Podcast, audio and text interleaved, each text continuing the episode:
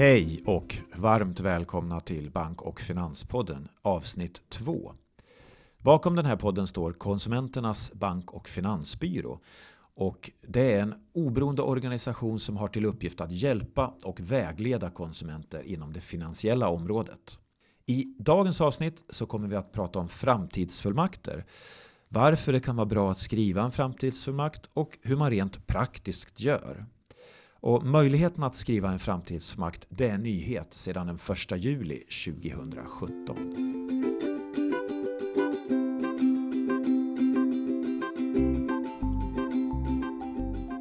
Jag som pratar heter Fredrik Pettersson och jag arbetar till vardags som jurist på Konsumenternas bank och finansbyrå. Och med mig i studion idag har jag Eva Lindström och hon har en lång erfarenhet av att jobba med konsumentfrågor och konsumenter. Hej Eva! Hej Fredrik! Dagens tema är ju framtidsfullmakter. Är det någonting som ni har fått frågor i rådgivningen från konsumenter om? Ja, det har vi ju faktiskt fått ganska många frågor sedan eh, i somras då när det började gälla. Vad är en vanlig fråga från en konsument? Ja, det vanligaste skulle jag säga är att man undrar hur skriver jag en framtidsfullmakt? Kan jag hitta någon mall någonstans? Om vi återgår till själva ämnet för dagen, framtidsfullmakt. Mm. Vad är egentligen en framtidsfullmakt? Ja, det är en fullmakt som man kan ge till någon som man litar på, en annan person alltså, som kan ta hand om om det är jag som skriver den, min personliga ekonomi, om jag så småningom inte kan göra det själv på grund av att jag blir sjuk. Man har ju alltid kunnat ge någon en fullmakt, men vad är det speciella eller det nya med att man ger någon en framtidsfullmakt? Jo, det speciella med framtidsfullmakten är att den börjar gälla först när den som har skrivit fullmakten inte längre kan ta hand om sin egen ekonomi. Man brukar säga att man förlorar sin beslutsförmåga och på grund av sjukdom eller psykisk störning. Och en tanke med den här framtidsfullmakten är att den ska kunna vara ett alternativ till att få en god man eller en förvaltare. Kan vem som helst utfärda en framtidsfullmakt? Finns det någon begränsning?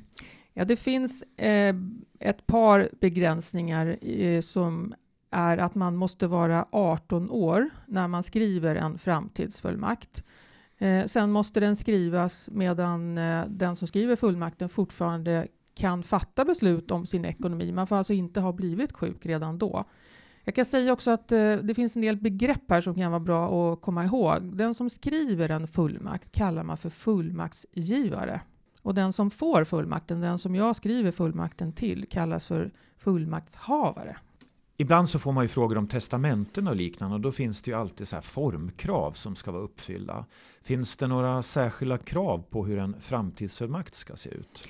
Ja, det finns några krav som är viktiga, eh, som är formella krav som man säger. Eh, först ska det vara en skriftlig fullmakt. Det måste framgå att det är en framtidsfullmakt, alltså att den ska träda i kraft eh, sen om jag blir sjuk till exempel. Och det är också så att två personer, två andra personer måste bevittna fullmakten. Ah, du nämner ordet bevittna. Vad innebär det? Ja, bevittna innebär att man skriver under eh, själva pappret med sina namn. Och de här två personerna som bevittnar, de ska vara närvarande samtidigt. Och det de gör med sin bevittning är att de intygar att det är just fullmaktsgivaren som är den som skriver under fullmakten. Och de ska också veta att det är en framtidsfullmakt de skriver på. De behöver inte se innehållet, men de ska veta att det är det. Men låt säga nu att min pappa skulle vilja skriva en framtidsfullmakt till mig eller min bror. Kan han mm. skriva en framtidsfullmakt själv? Ja, din pappa kan skriva fullmakten själv eh, om han vill. Eh, sen kan det ju vara bra att ta hjälp om man känner sig osäker, men eh, man kan absolut skriva den själv.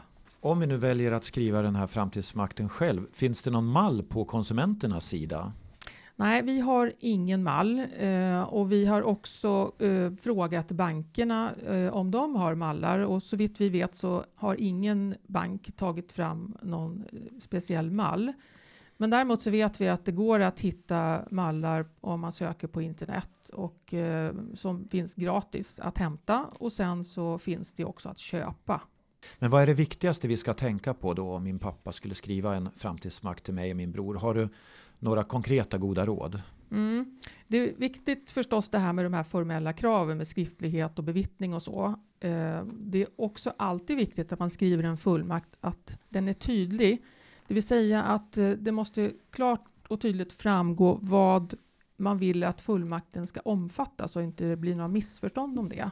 Eh, och det är så att eh, det är där man kan fundera på om man eventuellt eh, skulle ta hjälp av en jurist för att skriva fullmakten om man känner sig osäker och hur man ska formulera sig. Mm. Men om man nu har tänkt sig att lämna en framtidsfullmakt till en person, finns det några speciella krav på den här personen som får fullmakten? Egentligen finns det bara ett krav på den här personen eh, som är då fullmaktshavare det ska vara en privatperson, så det får inte vara ett eh, företag eller en eh, bank eller juristfirma, utan det ska vara en privatperson. Eh, och det måste stå i fullmakten vem den här personen är. Okej. Okay. Men om min pappa nu skulle vilja ge en sån här framtidsfullmakt till mig, kan han ge den även till min bror? Kan man ge framtidsmakten till flera personer samtidigt? Ja, det kan man göra. Det kan faktiskt vara bra att ge den till flera personer ifall eh, någon faller ifrån. Eh, man kan tänka sig olika alternativ. Eh, man kan utfärda fullmakten, framtidsfullmakten till flera personer som tillsammans ska eh, sköta om mina angelägenheter. Det kan vara två, tre stycken barn till exempel. Man kan också tänka sig att man ger olika personer olika uppdrag. En kanske ska ta hand om vardagsekonomi, en annan med lite omvårdnadsfrågor och en tredje för större ekonomiska frågor. Det kan vara ett alternativ. Man kan också tänka sig att eh, man utser flera personer i en viss turordning. Alltså först A och sen om A inte kan eller vill så är det B som blir fullmaktshavare. Okej, så att om min pappa skulle vilja ge den här till fler personer då behöver man tänka på turordning och beskriva då hur den fungerar inbördes om jag förstår det rätt? Ja, precis. Eh, det behöver man skriva då i fullmakten hur de här personerna ska fungera tillsammans. Ja, eller var och en för sig. Mm. Vad kan själva framtidsfullmakten omfatta? Ja, den kan vara ganska bred. Eh, om man tänker sig att man jämför den här framtidsfullmakten med en god man så kan ju en god man eh, ha ganska många uppgifter. Och man kan först eh, ha ekonomiska uppdrag och det kan också vara personliga angelägenheter som man, som man låter den här fullmakten gälla för. Ja. Vad skulle ekonomiska angelägenheter kunna vara för frågor? Kan du ge något exempel på det?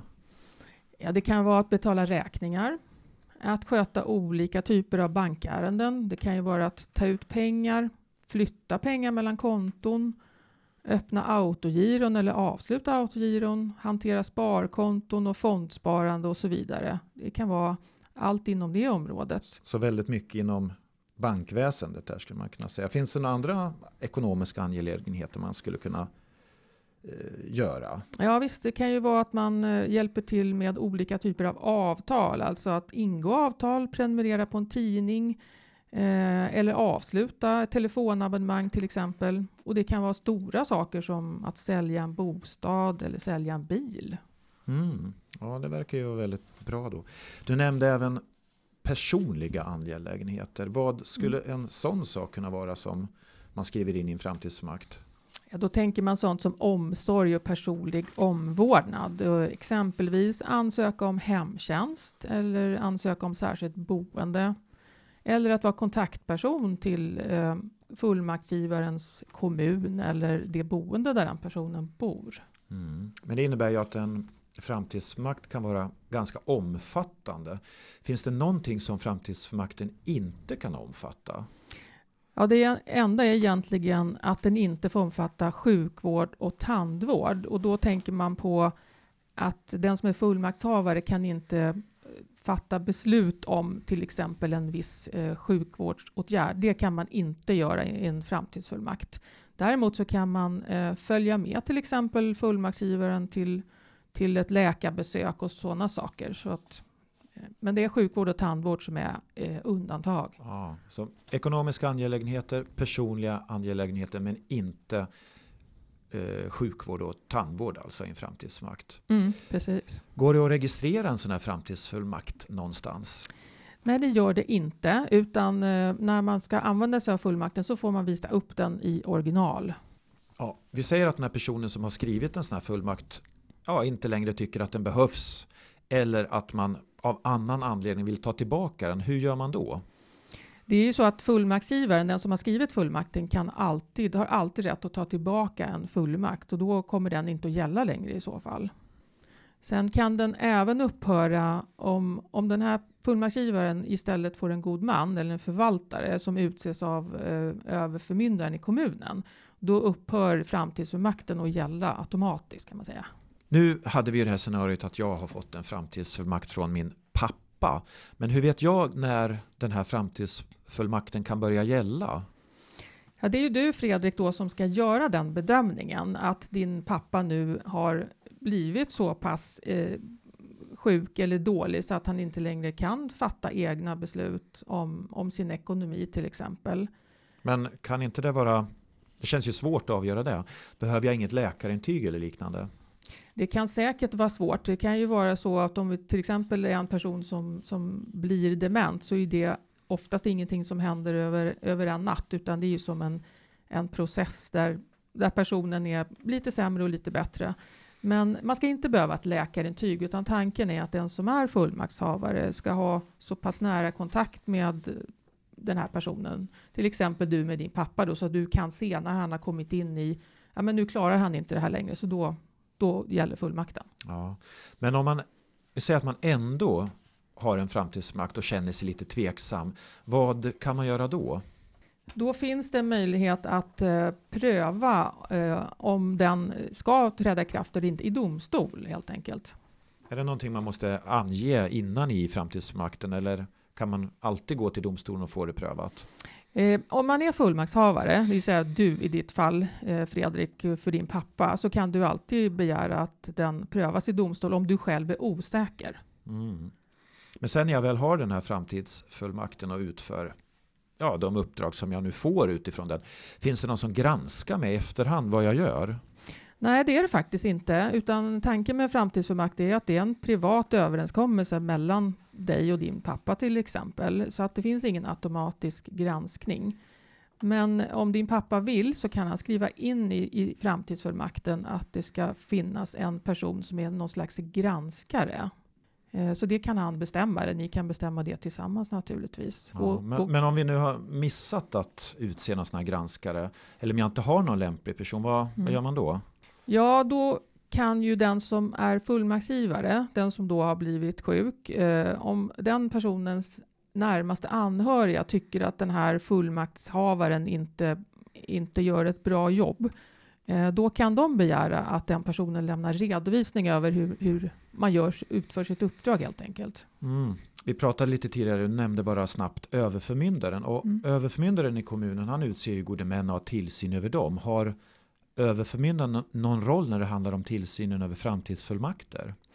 De har en viss roll. De gör ingen löpande kontroll automatiskt. Men däremot om de får in en anmälan från någon att den här fullmaktshavaren verkar inte sköta det här på ett bra sätt. Då kan överförmyndaren begära in en redovisning från fullmaktshavaren. Och skulle det vara så att överförmyndaren då kommer fram till att eh, det, här är inte, det här fungerar inte bra, det är helt enkelt eh, fullmakten missbrukas. Då kan överförmyndaren bestämma att fullmakten inte gäller längre. Om vi sen säger då att den här som har gett framtidsfullmakten avlider, han dör. Vad händer med framtidsfullmakten då?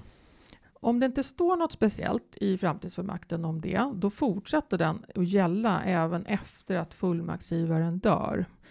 Då kan man ju ändå tänka sig att eh, det som fullmaktshavaren då gör är att inrikta sig på att avsluta och överlämna ekonomin till exempel till dödsboet. Men eh, den upphör inte automatiskt. Nej.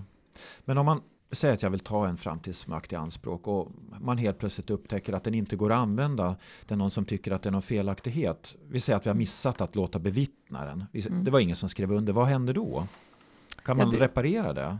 Nej, det kan man ju faktiskt inte då, utan har man missat ett sånt här formellt krav, då kan man inte mm, fixa till det sen, utan då blir det tyvärr så att då blir inte framtidsfullmakten giltig. Den går inte att använda helt enkelt. Vad händer istället då? Ja, då måste man i så fall eh, utse en god man eller förvaltare. För man kan ju inte utfärda en framtidsfullmakt när fullmaktsgivaren redan har blivit sjuk. Ja. Men om vi säger att man inte har en framtidsfullmakt, finns det något annat alternativ just nu? Mm. Det finns eh, någonting som gör att en nära anhörig kan eh, i varje fall hjälpa till med vardagsekonomi eller vardagliga åtgärder för en person som har till exempel blivit dement utan fullmakt. Och det är nya regler som också började gälla faktiskt i somras samtidigt med den här framtidsfullmakten. Vart hittar jag de där reglerna om, jag, om vi säger nu att någon inte känner till dem? Mm. De finns i eh, något som heter föräldrabalken.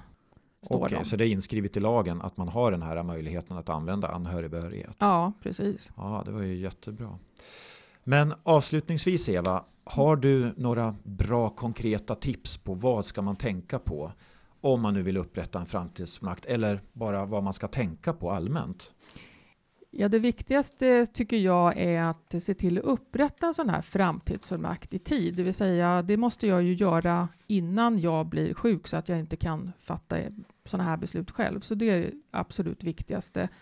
Och det som är bra med framtidsfullmakt är ju att jag kan bestämma själv vem som jag vill ska hjälpa mig med de här sakerna när jag själv inte kan längre. Det kan förstås vara svårt att, att hitta tiden för det här och kanske är jobbigt att fundera på också. Men det förenklar ju i framtiden för mina anhöriga om jag gör det här. En annan sak som är bra att tänka på tycker jag, det är ju att fullmakten ska vara tydligt så att det, det, står klart vad jag vill att den ska omfatta och vem som ska göra de här sakerna.